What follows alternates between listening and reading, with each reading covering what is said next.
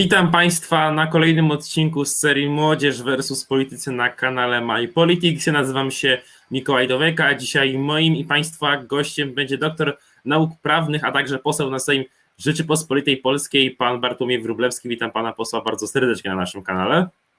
Dzień dobry Panu, dzień dobry Państwu. Witam również przedstawicieli młodzieży, którzy dzisiaj będą zadawać pytania i debatować z naszym szanownym gościem, panią Zuzannę Zwierzak z Młodej Unii. Witam i dziękuję za zaproszenie.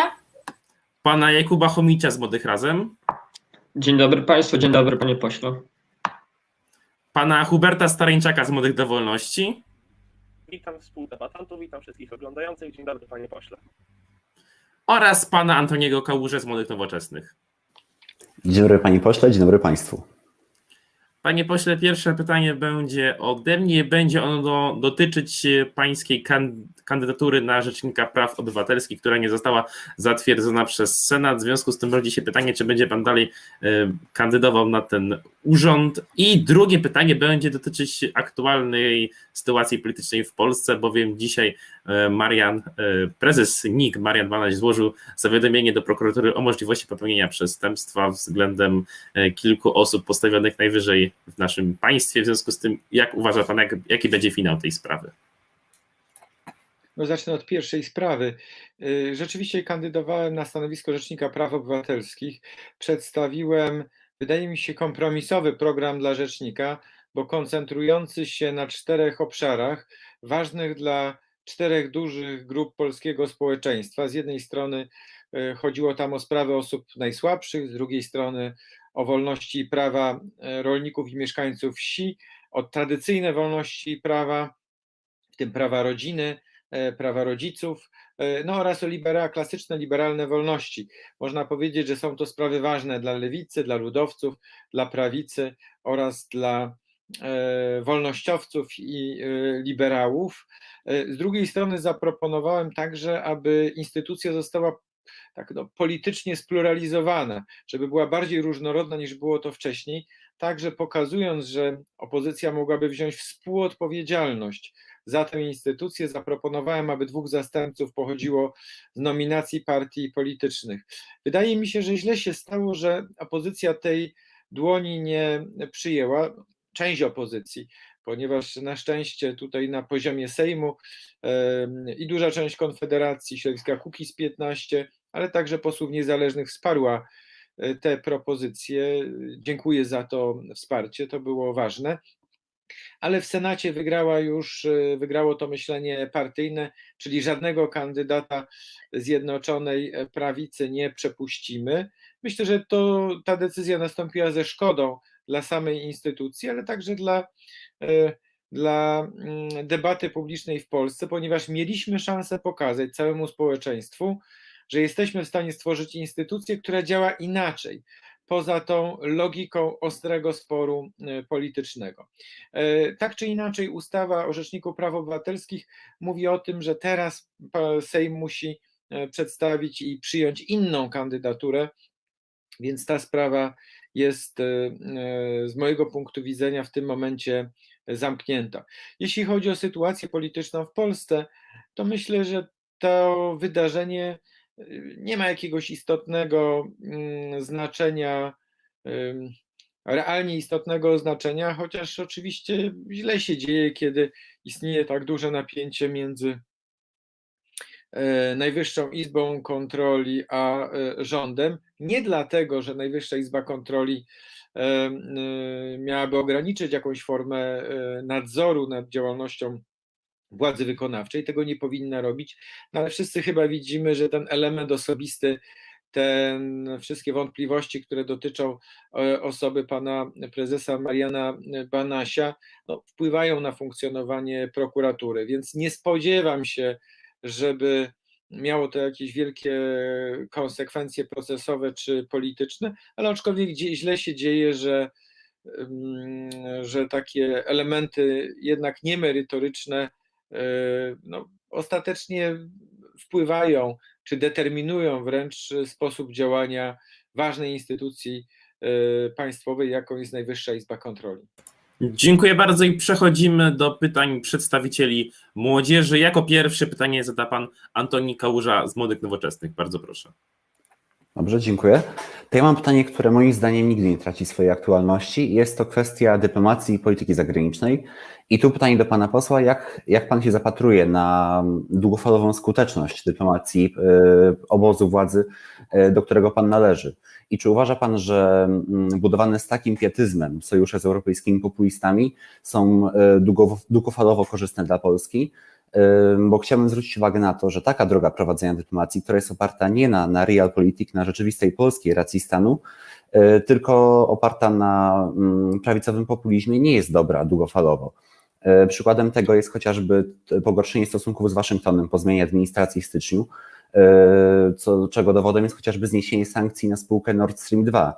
Y, Co więcej, zaraz na Węgrzech może dojść do zmiany władzy, ponieważ wybory może tam wygrać zjednoczona opozycja. I taka sytuacja już jest bardzo zła dla Polski, gdyż Polska wychodzi na odludka y, politycznego, geopolitycznego w, w Europie. I, y, I wychodzi na to, że Polska nie buduje strategicznych sojuszy, tylko takie oparte na lichych kalkulacjach alianse z politykami pokroju Orbana, Matteo Salviniego, czy już byłego prezydenta Stanów Zjednoczonych Donalda Trumpa. I więc ponawiam moje pytanie. Y, Czy taka polityka rzeczywiście służy bezpieczeństwu Polski, czy może, nie, może jest e, raczej efektem ideologicz- ideologicznych ambicji e, czołowych polityków Zjednoczonej Prawicy. Dziękuję. Czy ja się zgadzam z tym, że polityka zagraniczna jest rzeczą niezwykle istotną, jest ważną rzeczą dla Polski. Powiem też, że polityka, polska polityka zagraniczna powinna być w taki sposób kształtowana, by jakoś w znaczącym stopniu być niezależna od tego, kto w Polsce yy, rządzi, dlatego że pewne interesy yy, Polski są niezmienne. Natomiast y, ta druga część Pana pytania, komentarza zawiera wiele elementów, które wydaje mi się są nieprawdziwe. No bo proszę zwrócić uwagę, że przecież e, projekt Nord Stream, który Pan e, wspomniał, to jest projekt e, niemieckich socjaldemokratów i niemieckiej Hadecji, który powstał wiele lat z- przed tym, jak Prawo i Sprawiedliwość doszło m, do władzy. M, Jest prawdą, że Joe Biden niejako, jak słyszymy, wyraża zgodę na kontynuowanie tego projektu. Więc problemem raczej nie jest to, jaka jest polityka Prawa i Sprawiedliwości, tylko raczej to, że ważni, ważni gracze na Zachodzie widzą interes w tym, żeby układać się z Rosją mimo łamania praw człowieka, mimo wojny, mimo aneksji Krymu, mimo wojny na Ukrainie, przechodzą nad tym do porządku dziennego. Pamiętamy wszyscy słowa Gerharda Schrödera, e, jednego z wcześniejszych kanclerzy niemieckich, który powiedział, że e, Putin jest lupenreine demokrat, czyli że jest takim demokratą bez skazy. To jest problem i wyzwanie nie tylko dla Polski, ale dla całej Europy. E, Takie e, taka polityka, to co pan nazwał realpolitik, realpolitik w wykonaniu niektórych dużych demokracji zachodnich, które pozwalają i tolerują tego rodzaju postawę ze strony, ze strony Rosji. Polska nie ma żadnych prostych, takich strategicznych rozwiązań. Oczywiście z jednej strony to jest y, polityka transatlantycka, z drugiej strony europejska, z trzeciej strony e, Międzymorze i z czwartej dobre stosunki bilateralne z naszymi sąsiadami, to możemy powiedzieć. Natomiast e, nie ma żadnych takich, e, mm, żadnego takiego pomysłu, uczciwie rzecz biorąc, który gwarantowałby pełną skuteczność e, na kolejne lata czy dziesięciolecia z racji, którą widzimy, że e, takie państwa jak Stany Zjednoczone czy Niemcy, niezależnie od tego, jakie w Polsce są rządy, układają się często z Rosją w taki sposób, który jest dla nas, dla nas e, niekorzystny. Dlatego Polska musi prowadzić politykę e, konsekwentną, opartą o te cztery filary, no ale i z racji na że nasze doświadczenia historyczne, te z czasów pierwszej, z pierwszej połowy XX wieku, z czasów II wojny światowej, ale nawet z racji na to, jak widzimy, układa się polityka w ostatnich e, kilkunastu latach, no musimy reagować e, elastycznie. E, Nie zgodzę się z tym, że Polska nie powinna szukać sojuszników na Zachodzie, także wśród tych państw, które z jakichś powodów wyłamują się z tego europejskiego mainstreamu, no bo widzimy, że europejski mainstream nie zawsze e, działa w sposób e, korzystny dla Polski. Teraz e, myślę, że wszyscy Polacy, niezależnie od poglądów politycznych, mieli krytyczne zdanie na temat sytuacji dotyczącej mm, działania Trybunału Sprawiedliwości Unii Europejskiej w sprawie e, Turowa. E, Myślę, że to orzeczenie też otwarło jakby oczy e, wielu e, osobom, które wcześniej bezkrytycznie podchodziły do orzecznictwa e, nie tylko TSUE, ale w ogóle sądów europejskich, Mm, ale, mm, ale, mm, ale ta sprawa pokazuje, że oczywiście z jednej strony musimy szukać sojuszników na Zachodzie w różnych miejscach, z drugiej strony musimy działać w sposób e, no, elastyczny, widząc, że sytuacja w różnych państwach europejskich się zmieniła.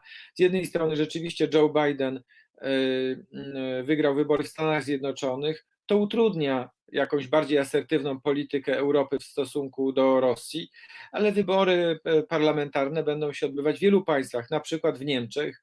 Zaskakujące, mogą wygrać te wybory zieloni, którzy są na przykład wokół, wobec projektu Nord Stream bardzo krytyczni. Wybory odbędą się w kolejnych miesiącach e, i latach e, we Włoszech, w Hiszpanii. Jest nadzieja, że te wybory, ich wynik będzie dla Polski e, korzystny. Także nie widzę tej sytuacji w tak ciemnych barwach jak kolega. Problemy raczej wiązałbym z obiektywnymi problemami, w których znajdu, które, które jakby, no, których konsekwencją jest sytuacja, sytuacja Polski. Polska musi prowadzić podmiotową i asertywną politykę także wobec największych europejskich graczy, aczkolwiek też powinna być pragmatyczna i ym, jeśli jest to możliwe, e, układać się. Nie powinna jednak rezygnować ze strategicznych tu- e, interesów e, kraju i społeczeństwa. I tu postawimy kropkę, przekazując głos panu Hubertowi Stareńczakowi z MDW. Bardzo proszę. E, Dziękuję bardzo. Panie pośle, ja wchodzę na stronę onet.pl wiadomości. Widzę wywiad z 17 marca mm, tego roku, w którym sam nagłówek mówi Wróblewski, dwukropek, jestem wolnościowym konserwatystą. Dzisiaj również Pan wspominał o różnych liberalnych wartościach, które wspomina Pan, że Panem kierują. Natomiast ja wchodzę na stronę sejm.gov.pl, obserwuję głosowanie odnośnie podatku od mediów schodzę na sam dół, szukam W, Wróblewski, głosował za. Kolejne. y, Głosowanie dotyczące zniesienia ulgi abolicyjnej. Mm, Głosowanie, w którym 225 posłów PiS zagłosowało za. Wchodzę, jacy to byli posłowie, schodzę na W, czy tam pan jest. O, znajduje się pan, jest pan na 218 miejscu, głosował pan za zniesieniem tej ulgi. Kolejna kwestia, no proszę pana, mm, podatek cukrowy, również głosował pan za. Dlatego pytam się pana, co to są za liberalne wartości? Jakie li, liberalne wartości panem kierują, skoro no, jest pan przeciwko przedsiębiorcom de facto i zwykłym ludziom, których dotykają takie właśnie, takie właśnie podatki? I dlaczego pan po prostu kłamie ludziom prosto w twarz, że jest pan, że kierują panami jakieś liberalne wartości? Dziękuję. No, to znaczy, to jest jednak spora doza populizmu w tym pytaniu. Po pierwsze, ja powiedziałem coś zupełnie innego. Pan być może tego nie zrozumiał, więc proszę odsłuchać raz jeszcze. Powiedziałem, że jeśli zostałbym rzecznikiem praw obywatelskich, broniłbym także wolności liberalnych, które są zapisane w polskiej konstytucji. Jakie to są wolności? To jest na przykład wolność słowa, e, własność, wolność prowadzenia działalności gospodarczej, e, e, wolność zgromadzeń, wolność zrzeszania się, wolność prowadzenia badań naukowych. Czyli ten obszar wartości liberalnych jest bardzo szeroki. I rzeczywiście nie tylko uważam, że jako rzecznik praw obywatelskich bym tych wartości bronił, ale uważam, że są to ważne wartości, na których, na których, na, któ- na których opiera się, można powiedzieć, nasze społeczeństwo, które są też wyrażone w polskiej konstytucji. Natomiast to nie oznacza, po pierwsze, że te wolności nie mogą być ograniczane, no bo konstytucja w artykule 31 ustęp 3 stwarza nawet pewien mechanizm wprowadzania ograniczeń. Każdy podatek jest ograniczaniem e, prawa e, własności. Każda, mm, każde y, y, ograniczenie wolności zgromadzeń, wolności słowa też stanowi w jakimś stopniu e, ingerencję w te wolności i prawa, ale to nie oznacza, że na przykład ze względu na inne wartości tego nie powinniśmy e, robić. E, To w ogólności. Jeśli chodzi o kwestie szczegółowe dotyczące na przykład podatków, bo o to Pan pytał, każdy z nas, e, czy większość z nas w parlamencie, no, jest jakimś środowisku politycznym e, i e, zwykle głosuje razem ze swoim środowiskiem e, politycznym. Prawo i Sprawiedliwość jest partią, w której są osoby o poglądach bardziej socjalnych, mniej socjalnych, bardziej e, e, liberalnych, wolnościowych i to w różnym e, aspekcie, no ale zwykle głosujemy e, razem. E, W sprawach drobnych, bo te kwestie dotyczyły spraw stosunkowo drobnych, głosowałem z klubem, ale na przykład, kiedy była dyskusja na temat piątki dla zwierząt, mimo że uważam, że takie regulacje kierunkowo powinny zostać przyjęte, to sprzeciwiłem się im, e, głosowałem przeciwko, mimo dyscypliny klubowej, mimo konsekwencji, które mnie za to spotkały, dlatego że te ingerencje wykraczały poza normalną miarę ograniczania wolności i praw. No, w sensie prawnym byłyby niekonstytucyjne, w sensie politycznym szły za daleko. Jeśli chodzi o ograniczenie prawa do prywatności, jeśli chodzi o ogranicze- ograniczenie prawa własności, jeśli chodzi o ograniczenie wolności działalności gospodarczej. Zabrakło odpowiednich terminów, niektóre decyzje w ogóle nie powinny być podejmowane, jak na przykład zakaz uboju rytualnego. W innych przypadkach e, zabrakło także mm, uregulowania kwestii e, odszkodowań. E, Do, do kolegi miałbym tylko jedną prośbę, sugestię, prośbę o rozważenie gdyby mm, o unikanie takich y, jakby słów typu kłamiesz, no bo to powoduje, że ta nasza dyskusja właściwie przestaje mieć e, sens, no bo z jakichś bardzo cząstkowych y, e, informacji dotyczących głosowań, e, a każde głosowanie jest związane z wieloma różnego rodzaju rozważaniami, argumentami, wyprowadza pan radykalne, radykalne konsekwencje. Gdyby pan zapytał, widzę pewną niekonsekwencję, rozmawiałoby się nam lepiej, nie byłoby tego, mm, tego napięcia. Chcę też zwrócić uwagę, że gdyby e, przeanalizować głosowania nawet osób, e, nawet osób, które panu są, czy powinny być bliskie, e, które są w Konfederacji, też pan zobaczy, że w różnych sytuacjach e, pana starsi koledzy kierują się różnymi racjami. To nie oznacza, że narodowcy są zdrajcami, że wolnościowcy są kłamcami, że tradycjonaliści są zbójami. E, Trzeba przyjąć, że kierują się różnymi racjami, różnie, e, różnie ważą sprawy. I na zupełnie sam koniec chciałbym Pana czymś zainteresować. Napisałem taki artykuł dotyczący uproszczenia prawa podatkowego i zaproponowałem recepcję w Polsce takiego pomysłu niemieckiego profesora Paula Kirchhoffa dotyczącego uproszczenia prawa podatkowego, radykalnego uproszczenia prawa podatkowego. Zachęcam, żeby z tym się zapoznać. Artykuł jest łatwy do odnalezienia, został opublikowany w ruchu prawniczym, e, pra- prawniczym ekonomicznym i e, socjologicznym. E, Powiedziałem na koniec, ale znowu e, byłem nieprecyzyjny, bo na zupełnie sam koniec powiem jeszcze jedną ważną rzecz.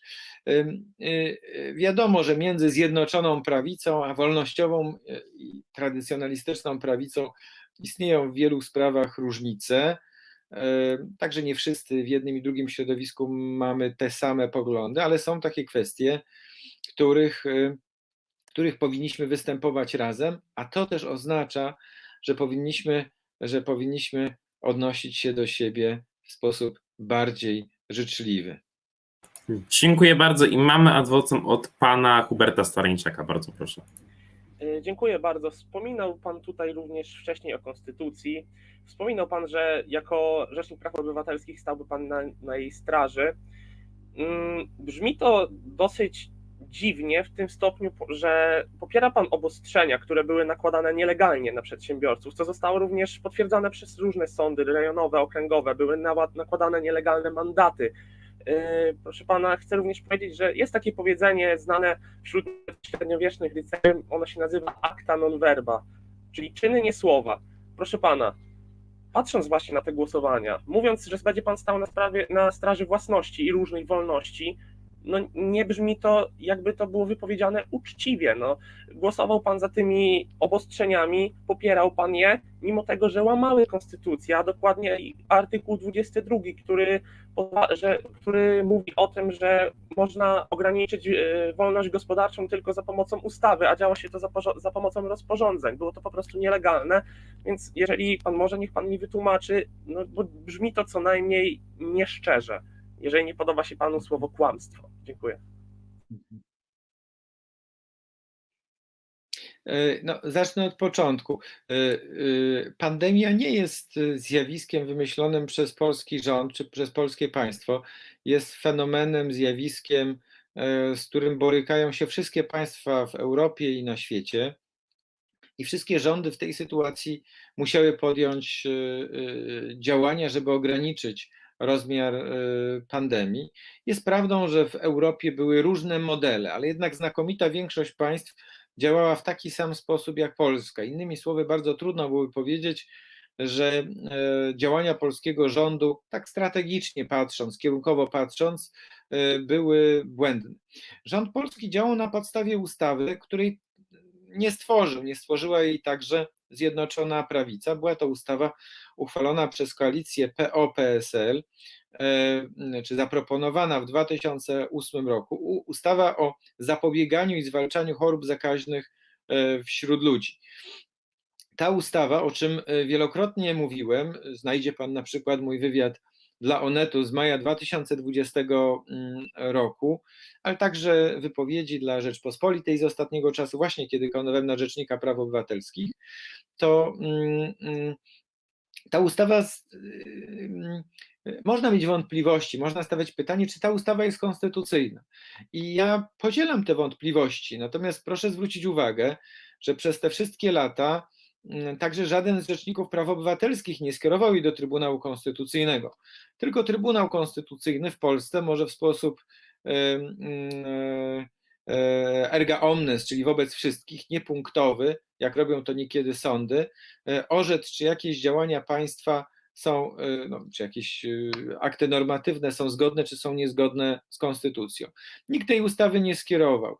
E, mm, e, Nie, nie, było dobrego, moim zdaniem, sposobu na to, żeby działać w okresie pandemii, natomiast rząd nie miał wyboru, bo musiał działać na podstawie tej ustawy. Są osoby, które uważają, że nie powinien działać na podstawie ustawy, tylko na podstawie konstytucji, uregulowanego w konstytucji jednego z trzech stanów nadzwyczajnych. E, I tak by było, gdyby nie było tej ustawy. Natomiast ustawa em, konstytuuje dwa kolejne stany nadzwyczajne: stan zagrożenia epidemicznego e, oraz e, stan epidemii, czyli są to szczególne przypadki stanów, e, e, stanu e, klęski żywiołowej.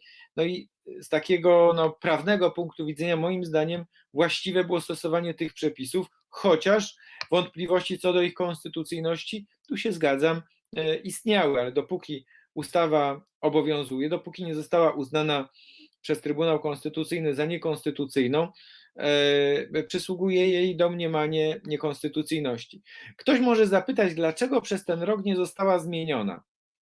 Można też zapytać, dlaczego na przykład Rzecznik Praw Obywatelskich w tym czasie, kiedy te wątpliwości były znane, nie skierował tej ustawy do Trybunału Konstytucyjnego. No, wynika to z tego, że e, można było to zrobić do momentu, kiedy pandemia e, wybuchła. W momencie, kiedy ona, ona wybuchła, e, bardzo trudno było w, tej, w tym momencie dokonywać tego rodzaju, prowadzić tego rodzaju działania, no tak jak niemożliwe jest, czy ryzykowne byłoby zmienianie konia w czasie przeprawy przez rwącą rzekę.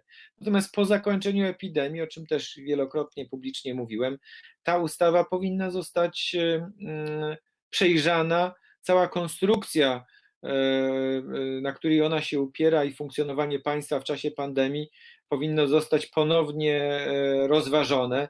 E, I te wątpliwości też są moimi wątpliwościami. E, Natomiast e, z tego punktu, natomiast ja nie widzę tutaj jakiegoś e, prostego rozwiązania. No, populistycznie oczywiście można różne rzeczy mówić, ale nie widziałem, nie widzę jakiejś prostej możliwości, żeby dokonywać, dokonywać zmian w ciągu ostatniego, mm, st- ostatniego roku, no bo doprowadziłoby to do tego, że wszystko nam w kraju by się zupełnie, zupełnie rozjechało. Dziękuję bardzo i mamy kolejny adwocem, tym razem od pani Zuzanny Zwierzak z Modiuni. Bardzo proszę. Dziękuję bardzo. E, Chciałabym się odnieść do słów takich, że dlaczego ta ustawa nie była zgłoszona do Trybunału Konstytucyjnego? Skoro pan miał jakieś wątpliwości co do niej, to dlaczego jako, jeszcze tutaj było też, że dlaczego Rzecznik Obywatelski tego nie zgłosił? Skoro pan możliwe, że już rozważał swoją kandydaturę na Rzecznika Praw Obywatelskich, a jeżeli nie, to już wiedział, że ta kandydatura, jeżeli już pan wiedział, że ta kandydatura będzie, to dlaczego w tym momencie pan, jako właśnie potencjalny rzecznik praw obywatelskich, nie, nie zareagował? Powinien chyba pan zareagować. Co pan o tym uważa? Mhm. No to ja y, pytaniem najpierw zadam pytanie, czy wie pani, kto może składać wnioski do Trybunału Konstytucyjnego? Bardziej mi tu może chodzi o to, dlaczego pan nie zareagował na to. No, No właśnie dlatego pani, do panią pytam, czy wie pani, Ale mi nie chodzi tutaj o składanie, Bo- bo nie chodzi gdyby- tutaj o składanie pani wiedziała- Chodzi mi tutaj o jakąkolwiek reakcję na to, skoro pan uważa, że są jakieś wątpliwości. Miła pani, gdyby e, wiedziała pani, kto składa, może składać wnioski do Trybunału Konstytucyjnego, nie zadałaby pani tego pytania. No bo przecież wątpliwości, o których mówię, można przeczytać, formułowałem publicznie. Natomiast wnioski do Trybunału Konstytucyjnego może składać na przykład Rzecznik Praw Obywatelskich. Więc musiałaby pani zapytać e, pana Adama Bodnara, dlaczego takiego wniosku e, nie złożył. Mogłaby pani spytać jego poprzedników. E, Myślę, że to odpowie- odpowiedzi już wcześniej udzieliłem. W sytuacji, kiedy panowała pandemia i rząd działał na podstawie tej ustawy, no byłoby no, mało odpowiedzialne i myślę, że tutaj zgoda była ponad podziałami politycznymi, żeby dokonywać takiej rewolucji, dokonywać zmiany tej ustawy, nawet jeśli ona jest błędna, nawet jeśli ona byłaby, e, e, została, a to jest dość prawdopodobne, że zostałaby uznana przez Trybunał Konstytucyjny za niezgodną z konstytucją. Mm, Nie zmienia się koni w czasie przeprawy przez rwącą, e, rwącą rzekę. Dziękuję bardzo i tu na razie kończymy wątki z adwocem i przechodzimy znów do pytań. Tym razem pytanie pana Jakuba Chomicza z Młodych Razem. Bardzo proszę. E, Panie pośle, jak wiadomo, rząd polski zadeklarował, że nie ustosunkuje się do środka zapobiegawczego, który wystosował Trybunał, e, sprawie, e, Trybunał Europejski w sprawie kopalni w Turowie. Mówimy tutaj oczywiście o e, czasowym zamknięciu kopalni na czas rozpatrzenia sprawy. I czy w takim razie polski rząd, nasza władza liczy się z faktem poniesienia potencjalnych konsekwencji, czy to finansowych, czy to, e, czy to prawnych, czy będzie ewentualnie jakaś próba negocjacji na temat tego, mm, e, na temat tego właśnie e, środka zapobiegawczego oraz czy poleci wniosek w drugą stronę na kopalnie znajdujące się w Czechach przy granicy polskiej, które również działają na podstawie węgla. Yy, No to odpowiadam zgodnie z najlepszą wiedzą, że pertraktacje e, są, ale nie z Trybunałem Sprawiedliwości Unii Europejskiej, tylko z Czechami. I jak słyszymy z mediów, mówił o tym pan premier e, i e, biura informacyjne rządu, e, że wygląda na to, że doszło do pewnego rodzaju kompromisu i em, e, em, premier Czech, e, władze Republiki Czeskiej zadeklarowały, że same wycofają e, tę skargę. No, tym, samym, e, tym samym sprawa zostanie e, w Trybunale Sprawiedliwości Unii Europejskiej e, zakończona. E, Więc sprawa zostanie e, ugodowo, e, czy konflikt, czy ten spór zostanie ugodowo e, rozwiązany. Natomiast oczywiście, już o tym wspominałem przed chwilą, ta sprawa i ta decyzja Trybunału Sprawiedliwości Unii Europejskiej stawia oczywiście inne pytanie. Mianowicie to jest pytanie w ogóle dotyczące funkcjonowania Trybunału Sprawiedliwości Unii Europejskiej i ostatecznie granic integracji e, europejskiej. Czy na pewno dobrym rozwiązaniem dla nas e, wszystkich, e, mówię tu nie tylko o Polakach, ale w ogóle o Europejczykach, jest sytuacja, w której instytucje europejskie mogą z dnia na dzień w tak bardzo głęboki sposób ingerować w funkcjonowanie e, państw e, członkowskich. Po pierwsze, czy jest to w ogóle zgodne z traktatami, czy mają kompetencje do tego, aby podejmować takie decyzje. Coraz częściej wyrażane są nie tylko w Polsce, ale w całej Europie wątpliwości różnych organów, instytucji, e, także sądów, na przykład Federalnego Trybunału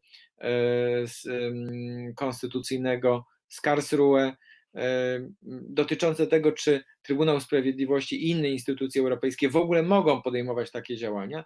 A druga jest oczywiście kwestia taka, czy to jest roztropne, że Unia Europejska ma taką ambicję, aby ingerować w każdą sprawę, która toczy się e, w Europie, no z taką konsekwencją, że oczywiście e, zaufanie do procesu integracji europejskiej e, w oczywisty sposób słabnie. Mm, wydaje mi się, że koncepcja Unii Europejskiej jako związku suwerennych państw, które zrzekają się czy ograniczają wykonywanie kompetencji w niektórych sprawach ze względu na wspólne dobro, była e, koncepcją, która mm, bardzo dobrze się sprawdzała przez wiele lat i ma wiele zalet. Natomiast sytuacja, w której e, powstaje bez zgody społeczeństw europejskich superpaństwo, które podejmuje działania we wszystkich możliwych obszarach i nigdy nie wiemy, jaka będzie decyzja następnego dnia, e, jest rozwiązaniem, które nie ma szansy na mm, skuteczną realizację. Y, osobą starszym, Państwo jesteście osobami młodszymi, ja też jestem wciąż jeszcze osobą w miarę młodą, ale pamiętam czas przed 89 rokiem i pamiętamy, że no po prostu system, który ma ambicje do kontrolowania wszystkiego, zajmowania się wszystkim, no prędzej czy później y, nie, no, musi upaść, dlatego że y, co zauważył już wiele dziesięcioleci temu taki znany austriacki ekonomista e, Ludwig Mises, żadna, żadne państwo, żadna struktura publiczna nie jest w stanie e, w sposób elastyczny i racjonalny podejmować wszystkich możliwych wyzwań. I to był argument przeciwko takiemu etatyzmowi. Ten argument był przeciwko komunizmowi i socjalizmowi, no ale można też go użyć w stosunku do mm, działań Unii Europejskiej, takiej ambicji, żeby ingerować we wszystko i zajmować się zajmować się wszystkim. Więc wydaje mi się, że ci, którzy chcą ocalić Unię Europejską, powinni nawoływać do umiarów instytucji europejskich. Ci natomiast, którzy chcą ją ostatecznie pogrzebać, powinni wzywać do jeszcze większego aktywizmu, e, żeby, krótko mówiąc, e, ciężar decyzji, odpowiedzialności i błędów był już tak wielki, że sama instytucja upadnie. Mi się wydaje, że e, my, Polacy, powinniśmy y, proponować i szukać drogi środka, dlatego że to jest jedyna droga, która e, służy człowiekowi, moim zdaniem jedyna droga, która, która, ma, e, która ma przyszłość. Dziękuję bardzo. Przyznam, że nie spodziewałem się dzisiaj cytatów z Ludwika von Misesa, aczkolwiek mamy kolejny adwocem. Pierwszy od pana Antoniego Kałuży z Młodych Nowoczesnych. Bardzo proszę.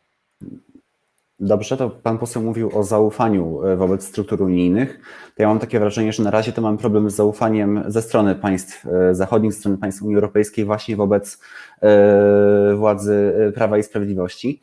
Ale wracając do sprawy Turowa, o którą, o którą było pytanie kolegi z Młodych Razem, no to właśnie to jest ten problem realpolitik, pragmatycznej dyplomacji. Nie byłoby tej sprawy przed SUE, gdyby Polska, gdyby polska dyplomacja E, zainterweniowała wcześniej e, w Pradze. E, być może Czechy by zdecydowałyby się wycofać pozew i nie byłoby tej całej afery, więc dyplomacja Prawa i, Prawa i Sprawiedliwości działa post factum, wtedy kiedy już sprawa jest nagłośniona i która działa negatywnie jednoznacznie na wizerunek Polski za granicą. Dziękuję. To znaczy, ja nie wiem, jakie są konsekwencje. Raczej myślę, że y, raczej ta sprawa Turowa nadszerpnęła zaufanie do Trybunału Sprawiedliwości Unii Europejskiej. Co do kulisów dyskusji na temat y, elektrowni Turów, nie potrafię panu uczciwie odpowiedzieć. Myślę, że także pan nie ma na ten temat żadnej własnej wiedzy, poza jakimiś nagłówkami gazet, które wszyscy czytamy, ale to ani panu, ani mi nie daje podstaw do tego, byśmy byli w tej sprawie ekspertami. Więc ja raczej wolę ufać własnemu państwu, a nie e, szukać kolejnego argumentu do tezy, że polska e, polityka zagraniczna oparta jest e, o jakieś z gruntu błędne założenia i że oddalona jest od tego, co pan nazywa realpolitik. Zwracam też jeszcze uwagę na jedną rzecz, że choć także jestem zwolennikiem polityki realnej, to jednak mm, jest to też takie pojęcie, z którym trzeba ostrożnie mm, się obchodzić. Nie wiem, czy to, ma, czy to jest dobry pomysł, żeby w każdej wypowiedzi się powoływać, odwoływać do tego pojęcia, no bo Niemcy uważają, że budując Nord Stream działają zgodnie z Realpolitik. E, wiele państw e, utrzymując e, relacje z najbardziej zbrodniczymi reżimami na ziemi też uważa, że uprawia realpolitik. Także nie rezygnując z takiego mądrego i zdroworozsądkowego rdzenia tego pojęcia i tej, tej koncepcji realpolitik, namawiałbym do tego, żeby w każdej, nie odnosić tego do każdej sprawy i każdej dyskusji. I ostatnia rzecz jeszcze, to raczej wydaje mi się, że jako obywatele polscy, e, Polacy, e, powinniśmy starać się, e, mówiąc o polityce zagranicznej i prowadzić politykę zagraniczną, myśleć o y, tym, jaki jest interes Polski, obiektywny interes Polski, a nie za każdym razem wcielać się w rolę adwokata państw ościennych, choćby były najsilniejsze czy największe, bo to nam wszystkim nie służy. Czy w Polsce rządzi prawica, czy rządzi lewica, czy rządzi centrum, jest wiele interesów, które są niezmienne. Nie ma naprawdę znaczenia, czy będzie pan musiał płacić więcej za energię elektryczną w czasie rządów premiera Morawieckiego, czy jakiegokolwiek innego premiera z opozycji w przyszłości. Obciąży to pana, obciąża to nasze kieszenie, więc zamiast e, takiej e, tylko antagonizmu e, i takiej ostrego sporu na temat kształtu polityki zagranicznej, warto, żebyśmy się zastanawiali, jak ją wspólnie moglibyśmy kształtować, żeby ona była skuteczna, ale nie zakładając jedni wobec drugich jakichś złych intencji, czy zupełnie błędnych przyjmowania błędnych założeń.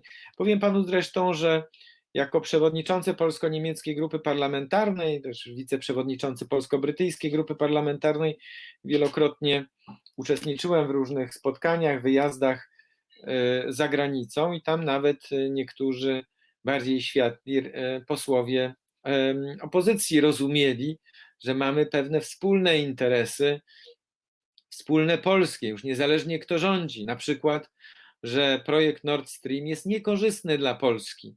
E, możemy się różnić w niuansach dotyczących tego, jak krytykować, jak przeciwdziałać negatywnym konsekwencjom tego projektu, no ale nie powinniśmy się wzajemnie e, kopać e, po kostkach.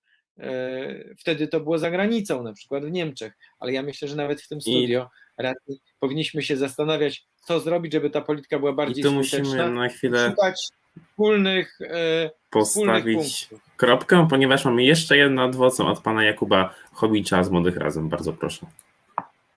E, tak, wspomniał e, Pan o tym, że e, ważny jest interes Polski. No i myślę, że wszyscy, jak tutaj jesteśmy, możemy się z tym zgodzić. Tylko czy wspólnym interesem polskim nie jest przede wszystkim zapewnienie spokoju obywatelom Polski i Cała ta sytuacja wyniknęła z tego, że Prawo i Sprawiedliwość tak na dobrą sprawę nie inwestuje w nowoczesną energię odnawialną, tudzież energię atomową, a przecież Obietnice postawienia elektrowni atomowych są już od wyborów w 2015. To już te obietnice mają 6 lat i nadal nie mamy tak na dobrą sprawę żadnego, chociażby jednego małego kroku postawionego w tym kierunku. Więc może gdyby Prawo i Sprawiedliwość wreszcie zaczęło realizować swoje obietnice jeszcze sprzed 6 lat, to może do takich sytuacji dało, e, w ogóle mogłoby nie dochodzić. Co pan o tym myśli? To jest oczywiście prawda, że e, jest dość prawdopodobne, że od energii atomowej Polska nie ucieknie. Aczkolwiek, e, gdy byłem o połowę młodszy niż pan teraz, e, jeszcze w latach 80., trwały dyskusje na temat budowy elektrowni atomowych w Klempiczu, na przykład w Klempiczu. I one skończyły się zaniechaniem tych planów. Ta dyskusja na temat energii atomowej w Polsce trwa już od ponad od kilkudziesięciu lat. Jeśli trwa tak długo, mimo zmiany systemu i zmiany rządów, to widocznie są jakieś obiektywne trudności. Rzeczywiście one są. Pan akurat reprezentuje, e, jak rozumiem, środowisko partii Razem. Myślę, środowisko e, bliskie e, takiemu myśleniu w wielu obszarach europejskich zielonych w Niemczech, w których studiowałem, już dwukrotnie dochodziło do decyzji o zakończeniu funkcjonowania elektrowni atomowych, wyjścia z atomu, jak mówiło hasło, i mimo to cały czas Niemcy wciąż nie wyszły z tej energii atomowej, aczkolwiek znowu są na drodze, aby z niej wyjść.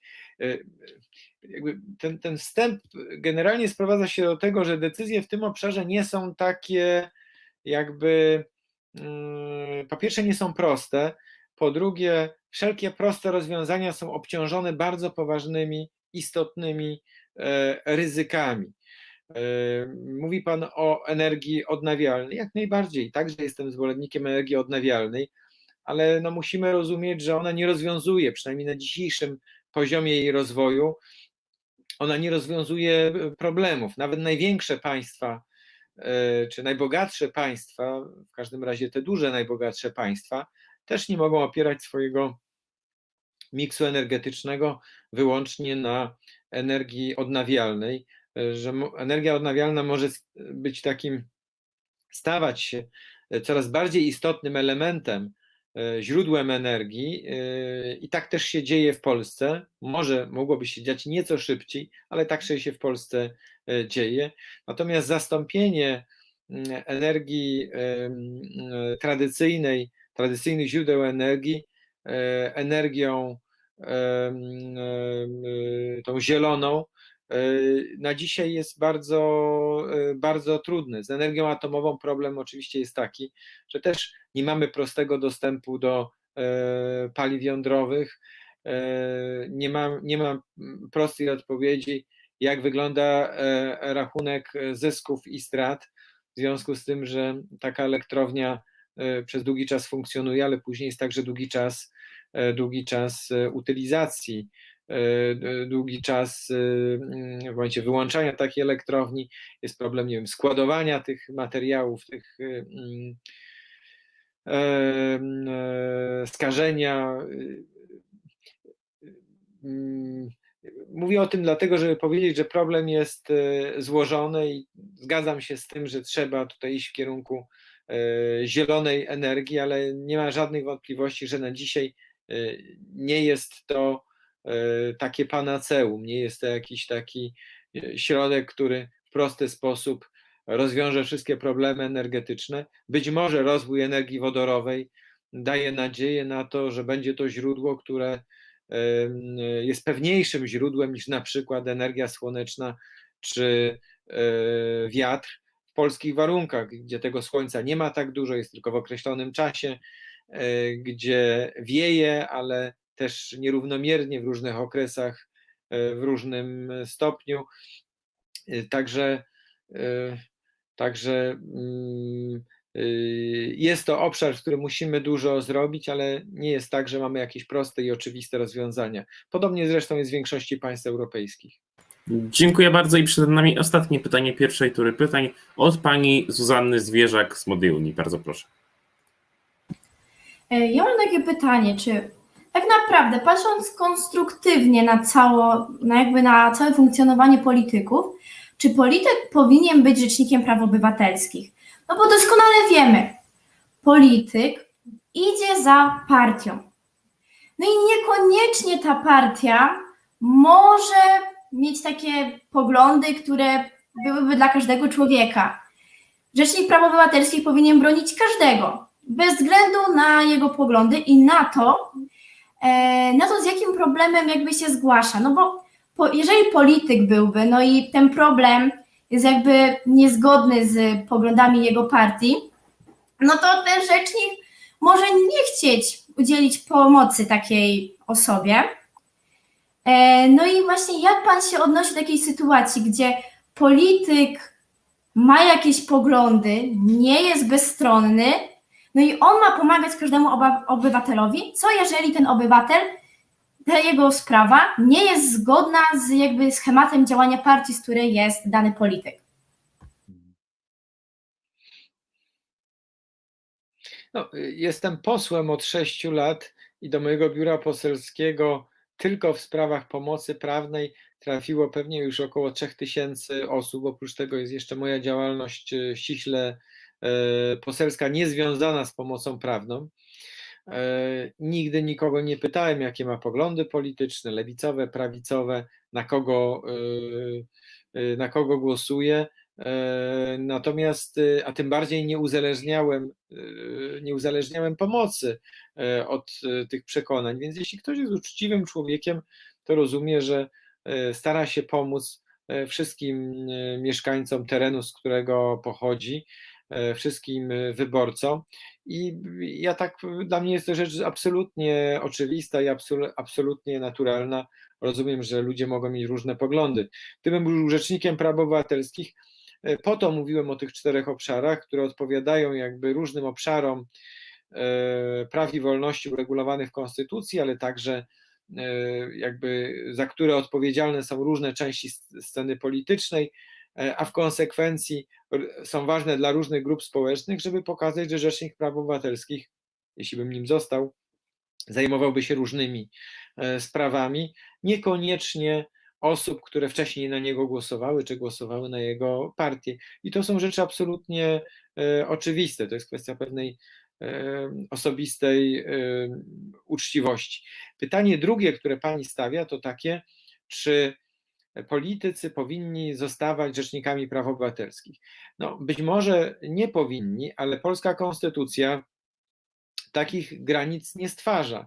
Nie stwarza ich nie tylko wobec Rzecznika Praw Obywatelskich, ale także wobec szefa Najwyższej Izby Kontroli, chociaż to rzecznik, e, chociaż to e, prezes NIK-u, jeszcze większym stopniu jest odpowiedzialny za kontrolowanie władzy wykonawczej, czyli tutaj te problemy są jeszcze jakby silniejsze. Co więcej, polska konstytucja nie stwarza ograniczeń, jeśli chodzi o to, aby politycy zostawali y, y, sędziami na przykład Trybunału Konstytucyjnego czy innych e, sądów. No, natomiast oczywiście, będąc szefem NIK-u, będąc tym bardziej sędzią, te wymagania dotyczące niezależności, niezawisłości są e, zupełnie inne niż w przypadku posłów czy senatorów. No, zakłada się, że ludzie, e, którzy obejmują takie stanowiska i ze względu na regulacje prawne, i ze względu na osobistą uczciwość, rozumieją, że czymś innym jest występowanie w charakterze e, parlamentarzysta, czymś innym jest występowanie na przykład w charakterze e, sędziego. Aczkolwiek rozumiem wątpliwości, które pani zgłasza, natomiast e, polska konstytucja e, tą sprawę rozstrzygnęła w sposób taki, jaki powiedziałem. I dopóki ta konstytucja nie będzie zmieniona w tym zakresie, bardzo trudno byłoby formułować tego rodzaju ym, tego rodzaju skuteczne zastrzeżenia i ograniczenia.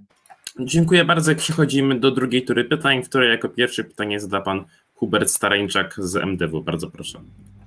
Y, Dziękuję bardzo. Ja bym chciał się jeszcze mimo wszystko odnieść do pierwszej kwestii, o której między sobą rozmawialiśmy i odnieść też poniekąd do tego, co powiedziała pani Zuzanna z Młodej Unii, y, ponieważ zadała ona bardzo, moim zdaniem, zasadne pytanie, czemu pan nie zareagował? Odpowiedział pan na to pytaniem na pytanie, y, kto może złożyć wniosek do Trybunału Konstytucyjnego.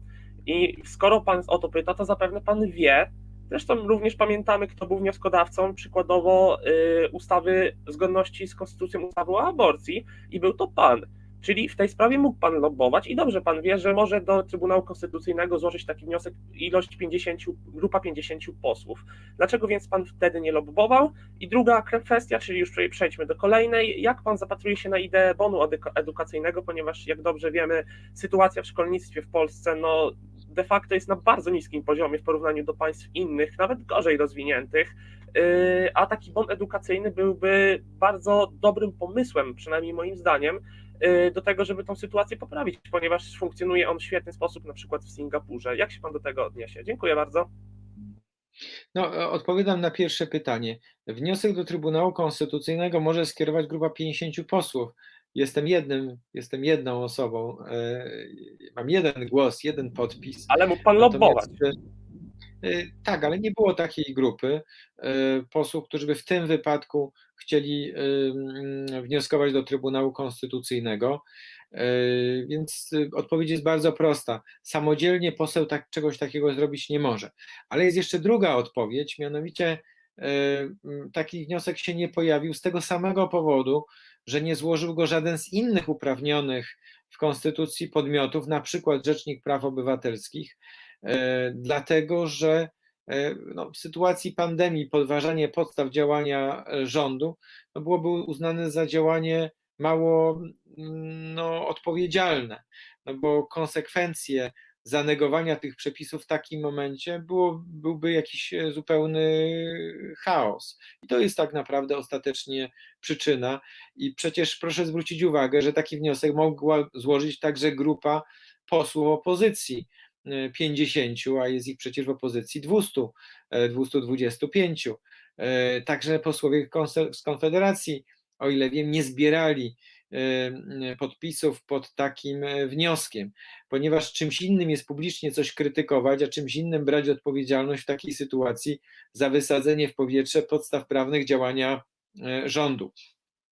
Drugą sprawą jest sprawa bonu edukacyjnego. Ja jestem zwolennikiem czy to bonu edukacyjnego, czy innych rozwiązań, które idą w takim kierunku, aby zwiększyć prawa rodziców do mm, wpływu na edukację i wychowanie dzieci. Jak pan być może wie, y, opracowałem projekt ustawy e, e, zwiększający możliwości e, funkcjonowania w Polsce edukacji domowej, czyli takiego sposobu edukacji, w której rodzice biorą odpowiedzialność za wychowanie swoich dzieci, nie szkoła, a rodzice. Jest to konkretyzacja artykułu 47 Konstytucji, który mówi, 48 Konstytucji, który mówi o prawie rodziców do wychowania dzieci zgodnie z własnymi e, przekonaniami. E, Teraz przygotowuję projekt ustawy e, zwiększający kompetencje szkół niesamorządowych, czyli tych publicznych, które nie są prowadzone przez samorządy i szkół prywatnych, bo uważam, że powinny działać co do zasady na tych samych warunkach, e, co szkoły publiczne. W jednym i drugim przypadku są to rozwiązania, które idą w kierunku bonu edukacyjnego. Nie wydaje mi się, aby dzisiaj była w Polsce większość do tego, żeby takie rozwiązania jak bon edukacyjny wprowadzić, ale uważam, że w różnych obszarach, gdzie jest możliwe zwiększanie wpływu rodziców, trzeba to robić i staram się to konsekwentnie y, czynić. Tu stawiamy kropkę i przechodzimy do kolejnego pytania, tym razem od pana Antoniego Kałuży z Młodych Nowoczesnych. Bardzo proszę. Dobrze, dziękuję. To ja bym chciał zapytać pana posła, e, co pan sądzi na temat e, postulatu rozdziału instytucji Kościoła od państwa? Bo jak wiemy, całkowity rozdział Kościoła od państwa nie jest możliwy, co pokazuje nam przykład Francji. E, Jednakże w Polsce mamy do czynienia z otwartym, bezpardonowym wręcz, momentami zaangażowaniem e, hierarchów kościelnych sferę władzy, w, na wywieranie presji politycznych. No i tutaj doskonałym przy- przykładem są tu wypowiedzi e, metropolity krakowskiego Marka Jędrasz- Jędraszew- Jędraszewskiego o e, tęczowej zarazie, czy jego stwierdzenie, jakoby metoda in vitro była niemoralna. Oczywiście Marek Jędraszewski jest, ma prawo do posiadania własnej opinii, ma prawo do jej wygłaszania, jednakże w coraz bardziej niebezpiecznym stopniu te opinie poszczególnych tych radykalnych hierarchów kościelnych zaczynają e, być podobne do decyzji e, politycznych obozu władzy. Więc no i pojawia się kolejna sprawa, że Kościół jako, jako instytucja w Polsce i też na świecie ma problem z mm, zastosowaniem kontroli wewnątrz, bo taka struktura bez realnej odpowiedzialności y, w żadnym państwie demokratycznym nigdy nie miałaby sensu. Czego przykładem jest chociażby problem y, pedofilii i brak możliwości sam, samooczyszczenia się Kościoła, znalezienia sprawców. I czy nie, uwa nie uważa Pan, że Kościół, który jest objęty taką protekcją, y, który, którego obraz jest tak negatywny, czy w tym przypadku rozdział Kościoła od państwa byłby zdrowszy nie tylko dla samego państwa, Kościoła, znaczy właśnie e, państwa, obywateli, ale również i instytucji Kościoła i wszystkich wiernych? Dziękuję bardzo.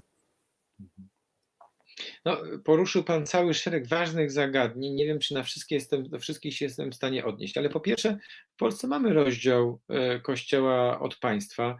Mm, politycy nie podejmują decyzji dotyczących Kościoła.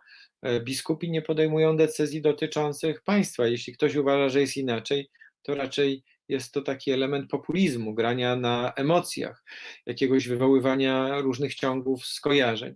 Kościół ma prawo do nauczania moralnego zgodnie z własnym nauczaniem. E, zwykle jest to nauczanie, które ma setki, jeśli nie tysiące, jeśli nie tysiące lat. Dobrze, żeby ten rozdział, który mamy w Polsce, był rozdziałem przyjaznym. To znaczy, żeby e, obie e, instytucje zachowują swoją autonomię, w niektórych obszarach e, współpracowały, no bo jest z korzyścią dla nas wszystkich, że na przykład Kościół katolicki, ale też inne kościoły, żeby przejmowały na siebie część działalności e, społecznej, na przykład współprowadząc szpitale, współprowadząc szkoły, no bo zdejmuje to z państwa, z władzy publicznej kolejne, kolejne ciężary. Jest to korzystne dla nas dla nas e, wszystkich. Jeśli chodzi o e, wypowiedzi hierarchów różne, no to trudno mi brać za nie odpowiedzialność, trudno się nawet do nich wszystkich odnieść, no bo e, po pierwsze dlatego, że zadaniem Kościoła jest prezentowanie własnego nauczania, na przykład dotyczące ochrony życia, dotyczące tradycyjnej rodziny, dotyczące wsparcia najsłabszych, dotyczące migrantów. Wbrew temu, co Pan mówi, w ostatnich latach stanowisko Kościoła w wielu sprawach nie było zgodne z tym, co, e, co, e, jakie było polityczne stanowisko naszego państwa i naszego rządu, na przykład właśnie w sprawach e, migrantów. Stanowisko Kościoła było tutaj dużo bardziej zniuansowane, dużo bardziej takie no, oparte o to przykazanie miłości, o miłosierdzie. Stanowisko państwa było bardziej e, takie zasadnicze, związane z e, e, koniecznością obrony obywateli przed różnymi zagrożeniami wynikającymi z niekontrolowanej migracji. Więc ten pana ogólny zarzut nie sprawdza się w praktyce. Gdybyśmy zobaczyli inne obszary, też byłoby, zobaczyłby pan, że jest inaczej. Na przykład, jeśli chodzi o sprawy wymiaru sprawiedliwości, Kościół przekonywał do tego, żeby ten proces odbywał się bardziej w duchu takiego no, kompromisu i dialogu, a nasze stanowisko było tutaj bardziej e, zdecydowane. Więc po tych dwóch przykładach, które w ostatnich latach mieliśmy, widzimy, że e, wcale nie jest tak, że stanowisko e, państwa i kościoła jest identyczne, czy nawet wręcz podobne. W wielu obszarach jest bardzo, bardzo inne, w innych jest częściowo inne. Są sytuacje, kiedy ono jest podobne z różnych przyczyn. Ja mam takie wrażenie, że za Pana pytaniem jest takie e, pragnienie ograniczenia wpływu Kościoła na rzeczywistość. Ja to pragnienie znam, rozumiem, ono jest e, dzisiaj rozpowszechnione. Co do spraw samooczyszczenia Kościoła, to jestem gorącym zwolennikiem, aby pedofilię, walczyć z pedofilią, wypalać do kości, można tak powiedzieć. E, chociaż doskonale wiemy, że pedofilia nie jest problemem tylko i wyłącznie Kościoła, jest jakimś e, e, złym fenomenem naszych czasów. Jest zjawiskiem, które mm, kiedy ja byłem dzieckiem 40 lat temu, nie można powiedzieć, że było nieznane, ale wydaje się, że miało zupełnie inny wymiar. Nie było świadomość pewnie była inna, ale niezależnie od kwestii świadomości, nie było, e, nie był to aż tak poważny problem, e, problem społeczny. To jest pytanie, które pan i my wszyscy musimy sobie zadać, co się stało z, naszymi, z naszym społeczeństwem, z naszymi społeczeństwami, że pedofilia stała się e, tak powszechnym fenomenem. Być może odpowiedź leży, wydaje mi się, że odpowiedź leży zupełnie gdzieś indziej. Nie dotyczy samego Kościoła, tylko tego, jaka stała się nasza kultura, w której e, żuje, żyjemy. Kultura, która często ma charakter permisywny, jest nastawiona na branie. Kultura, w której jest mało pojęcia i poczucia, e, poczucia obowiązku. I ostatnia sprawa co do kwestii mm, samooczyszczenia.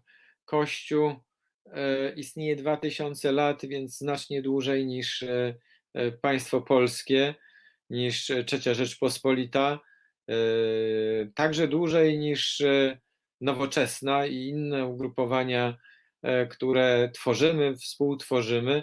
I w historii właściwie można powiedzieć, że jego historia jest historią kryzysów, bo właściwie co wiek, co dwa wieki to jest jakaś katastrofa.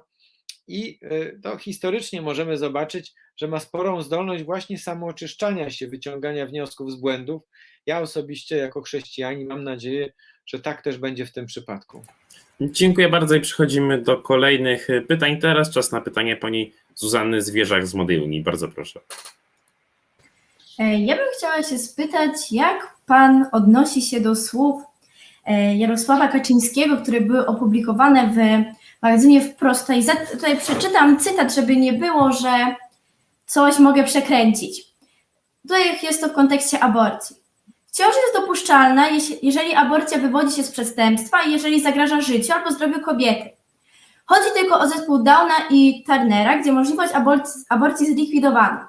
Ale też wiem, że są ogłoszenia w prasie, które każdy średnio rozgarnięty człowiek zrozumie i może sobie taką aborcję za granicą załatwić. Taniej lub drożej. Tutaj zakończę cyta- czytanie tego cytatu. No i tak. Niby w Polsce funkcjonuje ochrona życia. Dobrze. Ale ochrona życia kończy się na tym, jak dziecko się rodzi. No i tak. Niby da się tą aborcję załatwić taniej lub drożej, za granicą. No i tutaj też taka kwestia się nasuwa, czy to życie jest naprawdę chronione? Czy kobieta jest chroniona, jeżeli przy takim zabiegu pójdzie coś nie tak, ponieważ pójdzie do podziemia aborcyjnego, no i stanie jej się krzywda? Czy wtedy kobieta jest jakkolwiek broniona, czy jakiekolwiek będą posunięte kroki? No i też właśnie tutaj y, Pan jako Rzecznik Praw Obywatelskich, czy zareagował do takiej sytuacji, gdy kobieta po taniej aborcji za granicą lub w Polsce coś jej się dzieje. Czy pan reaguje, aby wspomóc jakoś prawnie działanie takie, żeby na przykład posądziła te osoby, czy jednak ta kobieta zostanie obciążona winą? To znaczy, to znowu jest tutaj szereg pytań e, i to ważnych pytań, no takich już najbardziej e, poważnych, no bo chodzi o sprawy życia i śmierci. Ja uważam, że życie ludzkie musi być chronione, także życie przed urodzeniem e, i to życie także osób chorych i mm, niepełnosprawnych. Natomiast prawdą jest, że jeśli pojawia się zagrożenie życia i zdrowia matki, to nadal w Polsce można może dojść do, mm, e, do y, śmierci dziecka, chociaż nie jest to jakby ściśle rzecz biorąc nawet aborcja, tylko raczej ratowanie życia matki, którego aborcja, śmierć dziecka jest uboczną konsekwencją. Tu nie ma żadnych wątpliwości moralnych, jeśli jest kwestia zagrożenia, realnego zagrożenia życia i zdrowia matki, to lekarze muszą podejmować działania, nawet jeśli konsekwencją jest, jest śmierć dziecka bo w tej sytuacji możemy powiedzieć, że no, prawo nie wymaga heroizmu. e, Jest to też działanie absolutnie zgodne z konstytucją. Tym, co, czego w Polsce sporo zostało zrobione w ostatnich latach, ale wciąż nie dość, jest pomoc e, matkom w trudnych ciążach. No bo powstała ustawa za życiem, jest 500 plus e, dla dzieci, także dzieci niepełnosprawnych, jest 500 plus dla, dla dorosłych niepełnosprawnych jest program Dostępność y, Plus, ta świadomość społeczna e, o konieczności wsparcia osób niepełnosprawnych jest zupełnie inna niż była jeszcze 20 czy 30 e, lat temu, ale tych rzeczy musi być więcej, dlatego, dlatego zaproponowałem takie, przyjęcie takiego stanowiska, które zostało przyjęte przez zesp, Parlamentarny Zespół Życia i, i Rodziny, właśnie dotyczące, stawiający pewne oczekiwania wobec rządu, aby opracował ustawy i programy, które wesprą matki w trudnych ciążach, które wesprą rodziny w momencie urodzenia się ciężko chorego dziecka, które wesprą osoby niepełnosprawne, zarówno w okresie, kiedy są dziećmi, jak już w okresie dorosłości. I tutaj e, musimy zrobić więcej i jest już robione więcej, bo jest przygotowany projekt ustawy przez Ministerstwo Rodziny, odpowiada za tą sprawę pan minister Paweł Wdówik, właśnie dotyczący e, trudnych ciąż e, i e, mm, sytuacji rodzin, kiedy rodzą się takie ciężko chore dzieci. To obejmuje pomoc i diagnostykę, i pomoc y, mm, taką wsparcie w całym okresie prenatalnym, i powstanie hospicjów perinatalnych e, i e, najlepszą możliwą opiekę paliatywną i opiekę i wsparcie finansowe e, po urodzeniu takiego dziecka. Wiem, że ta ustawa jest na, na etapie jakichś ostatnich konsultacji w Ministerstwie Zdrowia i mam nadzieję, że w ciągu naj, naj, najbliższym czasie ona trafi do parlamentu. Wiem także, że będą przyjęte duże programy wsparcia dla osób niepełnosprawnych, na przykład obejmujące kwestie takie jak nielimitowany dostęp do środków e, e, takich dla rehabilitacji, jeśli chodzi nie wiem, o zakup wózków czy innego sprzętu rehabilitacyjnego. Także jest planowany program wsparcia finansowego osób e, niepełnosprawnych, dodatkowy program. Także wiele w tym e, zakresie się toczy. Jest to także konsekwencja tego wniosku do Trybunału Konstytucyjnego, ponieważ kiedy my broniliśmy życia, jednocześnie mówiliśmy o tym, że konstytucja chroni Ja życie. bardzo dziękuję za Twoje pytanie, tylko to nie jest do końca odpowiedź na także- moje pytanie. To nie jest do końca odpowiedź na moje także- pytanie. Y, To znaczy jeszcze jedno zdanie i zaraz jeszcze dodatkowo spróbuję odpowiedzieć na Pani pytanie, że Konstytucja chroni życie, ale także chroni godne życie. W związku z tym e, potrzebna i wynikająca z Konstytucji jest ta właśnie pozytywna, e, pozytywne wsparcie państwa dla osób niepełnosprawnych i ich rodzin. Gdybym był rzecznikiem praw obywatelskich, starałbym się, żeby prawa każdej osoby w takim zakresie, jakie ma prawa, po pierwsze nie były naruszane, a jeśli dochodzi do naruszenia, e, zostałoby udzielone wsparcie. Więc jeśli e, jakieś prawa kobiety e, byłyby naruszone, czy to w Polsce, czy za granicą, to na pewno byłaby e, stanowcza reakcja z mojej strony. Dziękuję bardzo. Możliwe, że ten temat uda się jeszcze kiedyś rozwinąć na naszym kanale. Jednak ostatnie pytanie przed nami od pana Jakuba Chomicza z Młodych Razem. Bardzo proszę. E, Panie pośle, tak jak już zostało tutaj powiedziane, był Pan jednym z, wnioskod- e, z 50 wnioskodawców e, składających wniosek do Trybunału Konstytucyjnego. Wniosek mający de facto na celu zaostrzenie prawa aborcyjnego, co w moich oczach, ale również w oczach sporej części polskiego społeczeństwa, no, było działaniem de facto antyobywatelskim, godzącym w podstawowe prawa obywatelek. I w takim razie e, moje pytanie jest bardzo proste. E, Reprezentuje Pan środowisko stricte konserwatywne, również konserwatywni e, posłowie podpisali się pod tym wnioskiem, a więc w takim razie jak społeczeństwo miałoby zaufać Rzecznikowi Praw Obywatelskich, który reprezentuje środowisko konserwatywne, które de facto w tym momencie występuje przeciwko obywatelom i obywatelkom? No, zacznę od tego, że Rzecznik Praw Obywatelskich zawsze jakieś poglądy ma. No, na tej samej zasadzie można byłoby zapytać, dlaczego Rzecznikiem Praw Obywatelskich może być osoba o poglądach liberalnych, lewicowych, czy wręcz lewackich. E, No, e, mimo, że e, każda z tych postaw jest możliwa, no, jest część społeczeństwa, która y, której jakieś bliskie są takie postulaty, no ale zawsze jest to część społeczeństwa. Więc każdy rzecznik praw obywatelskich jakieś poglądy ma. Obecny rzecznik praw obywatelskich ma poglądy skrajnie lewicowe. Wcześniej mieliśmy panią rzecznik, która była taką centrystką, myślę.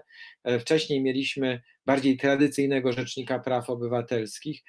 I tak możemy się cofać przez ostatnie 30 lat. Więc właściwie zawsze dokonując wyboru, musimy się zdecydować na to, na, na rzecznika z całym jego dorobkiem. Natomiast jeśli, no i poglądami, natomiast każda z tych osób, jeśli jest uczciwa, to trzyma się tego, co jest zapisane w Konstytucji i ustawach. I teraz przechodząc do Konstytucji, to wniosek do Trybunału Konstytucyjnego, który ja opracowałem, podpisało 118 posłów. Nie 50, a 118, czyli 20 ponad 5% polskiego, e, polskiego Sejmu. To nie był wniosek polityczny. On był oparty tylko i wyłącznie o argumenty natury konstytucyjnej, o prawo do życia, o godność człowieka, o zakaz dyskryminacji, zakaz segregacji ludzi pod kątem tego, jaki jest ich stan e, zdrowia. Nie było tam argumentów natury religijnej, społecznej, ekonomicznej, tylko i wyłącznie argumenty konstytucyjne, wynikające z przepisów obecnej konstytucji, z orzecznictwa Trybunału Konstytucyjnego i z poglądów doktryny prawniczej.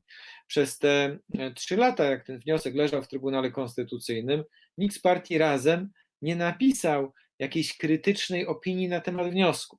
Nawet pan teraz mówiąc, odwołuje się raczej do argumentów e, takich socjologicznych, społecznych. Nie, nie, nie wykazuje pan, że wniosek był jakoś nieuczciwie sporządzony. E, nie polemizuje z tym, że chodziło o e, prawo do życia. Nie mówi pan o tym, że nie ma tu argumentów merytorycznych dotyczących samego wniosku. Kiedy debatuje parlament, to powinniśmy kierować, to kierujemy się różnymi argumentami, między innymi argumentami politycznymi, takimi, e, jaka część społeczeństwa uważa to czy coś innego. Natomiast e, system mm, prawa i wolności jednostki chronią nas, dlatego że jesteśmy ludźmi. Coś nam się należy nie dlatego, że w tym momencie większość czy znaczna część społeczeństwa coś uważa, tylko dlatego, że jesteśmy ludźmi, dlatego, że obowiązują te przepisy, chronione jest nasze życie, niezależnie od tego, że pan ma poglądy lewicowe, a kolega, e, a kolega e, Hubert ma poglądy e, prawicowe. Niezależnie od tego, że pan być może chciałby 70% podatków, a kolega Hubert chciałby, żeby podatki były podatkami liniowymi i możliwie niskimi. Więc e, e, konstytucja daje każdemu z nas pewną e, sferę naszych praw, które są niezbywalne i chronione, niezależnie od tego, jakie są poglądy społeczne. Jeśli odwrócimy tą kolejność i będziemy zawsze odwoływać się do tego, jaki jest pogląd społeczeństwa, no to będziemy mieli i karę śmierci, i konfiskatę majątku dla najbogatszych, albo być może zabranie wszelkich praw osobom najbiedniejszym, tym, które zostaną uznane za pasożyty społeczne. Ale to nie jest kierunek taki, który w każdym razie dla mnie jest, e, który mi jest bliski. Każdy z nas jest człowiekiem, ma swoją godność i ze względu na tą godność musimy bronić jego wolności i praw. Tam, gdzie te prawa z sobą kolidują, musimy próbować je e, zharmonizować. Nie wygrywać praw jedni przeciwko drugim, nie odwoływać się w każdym przypadku do y, y, tego elementu, który w demokracji jest normalny, y, do metody większościowej, no bo prędzej czy później będziemy w mniejszości, która zostanie w sposób zupełny zmarginalizowana i przegłosowana, a każdy z nas, moim zdaniem, ma pewne niezbywalne prawa i nawet większość, nawet państwo, nawet Unia Europejska czy rząd tych praw, tych wolności, które wynikają z naszej natury i są nam e, przypisane, dlatego że jesteśmy ludźmi, nikt tych praw odbierać nie może. I tu musimy postawić kropkę naszej dzisiejszej debaty. Dziękuję naszym widzom za obecność, panu posłowi za wizytę na naszym kanale oraz przedstawicielom młodzieży za pytania. Zapraszam wszystkich na jutrzejszy odcinek Młodzież versus Politycy z europosłem Łukaszem Kochutem o godzinie 17.30. Do dzisiaj jeszcze raz bardzo dziękuję. Życzę wszystkim miłego wieczoru. Do zobaczenia. Do usłyszenia. Serdecznie dziękuję Państwu, dziękuję za miłe spotkanie i ciekawą rozmowę.